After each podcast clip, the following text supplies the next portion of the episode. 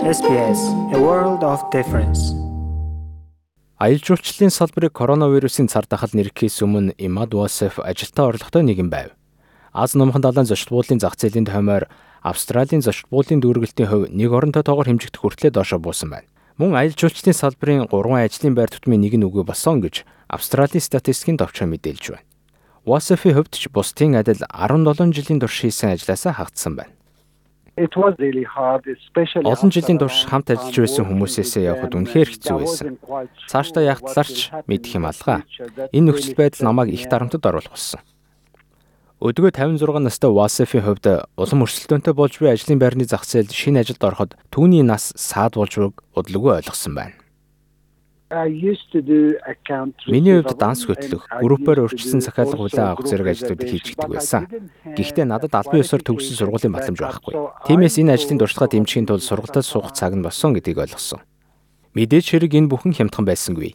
Шинэ өмнөд Уэльсийн засгийн газрын тэтгэмжийн хүрээнд ТФС COVID-19 цар тахлаас үүдэлтэй хямралд өртсөн хүмүүс зориулсан үнэгүй курсүүд санал болгох хүртэл энэ бүхэн бүтэхгүй даваа байлаа. Wasaf-ийн хувьд энэ бүхэн төсөөллөөс нь хол байсан хэдий ч амьдралыг нь залгуулах эцсийн найдлага байсан юм.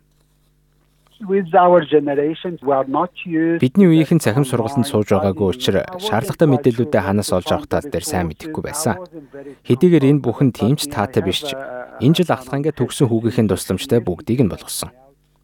Холбооны их сургуулийн профессор Колет Браун бол сэтгэл зүй, хүний хөгшрөх үйл явц судлалын чиглэлээр мэрэгсэн нэг юм. COVID-19-ийн нөлөөгөөр Австралийн эдийн засаг анхаж байгаачлан хүмүүс итгэл найдвараа алдаж байгаа. Гэвч эдгээр хүмүүс өөрсдийн сонирхол, ажлын чадвараа цааш хөгжүүлэх нь хөл хорионы цаг үед сэтгцэн эрүүл мэндэд ч эерэг нөлөөтэй болохыг тэрээр хэлсэн юм. Бидний амьдралын утга учир зорилго маань цалин авч ажил хийх эсвэл гэр бүлээ халамжлах зэргээр нийгэмдээ хувь нэмэр оруулахтай холбож хүмүүс тайлбарлах нь илбэг байдаг. Энэ ч утгаар энэ цар тахлын үеэр ажиллаа алдсан бол шин чадвар эзэмших, эсбүгээс одоогийн ур чадвараа дэвшлүүлэх нь цаашдаа шинэ ажилд ороход нэмэртэйгээс гадна энэ цаг үед дэм болох болно.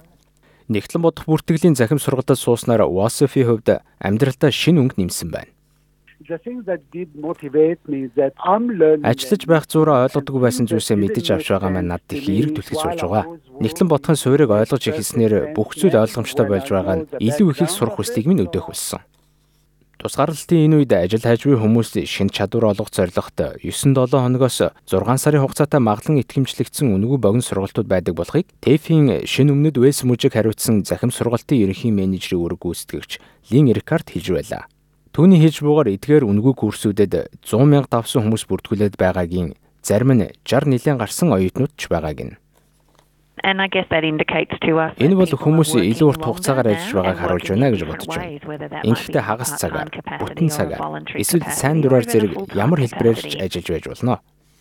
Үүнээс гадна номын сангуудаас иргэдийнхээ нэмэлт сонирхол, сурах үйл явцад зориулж захим номуудыг санал болгож ирснийг Австралийн номын сан мэдээллийн холбооны гүйцэтгэх захирал Сью Маккерчер хэлсэн юм. The self-help kind of guides that Загварчилсан курсуудын турш өөрөө биедээ сурах зааварчилгааг захим ном хэлбэрээр татах боломжтой. Номын сангаас үн төлбөргүйгээр олгож буй энэхүү сургалтын турш та аажмаар ахих болно. Ер нь сурч буй хүний хүслээс бүх юм хамаарх болно. Мөн түүнчлэн номын сангуудын хэмжээнд англи хэл, технологийн тусламжуулан гар урлалт зэрэг хоббиний төрлийн захим гарын авлагуудын эрэлт нэмэгдэж буй талаар Маккерчер хэлж байгаа. Захим орчинд бидний санал болгож буй гарын авлагууд нь Mango, IELTS хүрэх зам зэрэг худалдааны төрлийн номууд бий. Мөн бид өөрсдөө хөгжүүлсэн ч бий. Үүнийг номын сангийнхаа хэсэг рүү оруул YouTube сувг байх ба тэндээсээ англиас бус хэл дээрх техникийн тусалцааны сурлууд гих олон зүйлсийг олох боломжтой. Таны амьдарч буй бүсийн хүн амын бүтсэж чиглэсэн олон хил дээрх захим тусалцаа үзүүлэх боломжтойг мөн тэрээр хийсэн билээ. Гэхдээ ямар гарын авлага сонирхож байгаа болон ямар төрлийн зөвлөмж тусалцаа хэрэг болохоо мэдхийн тулд юун түрүүнд номын саргай ярих ёстойг бас дурдсан юм. Хэрэг та шинэ үнд дэвсдэх бүрүүд дүүргийн номын санг зорвол мандрин болон кантон хэл дээр материалууд байх жишээтэй. Учир нь тэнд эдгээр хэлээр ярьдаг хүмүүс ажилладаг ба номын санг хэрхэн ашиглах гарын авлага нь хүрэл хэд хэл дээр байгаа.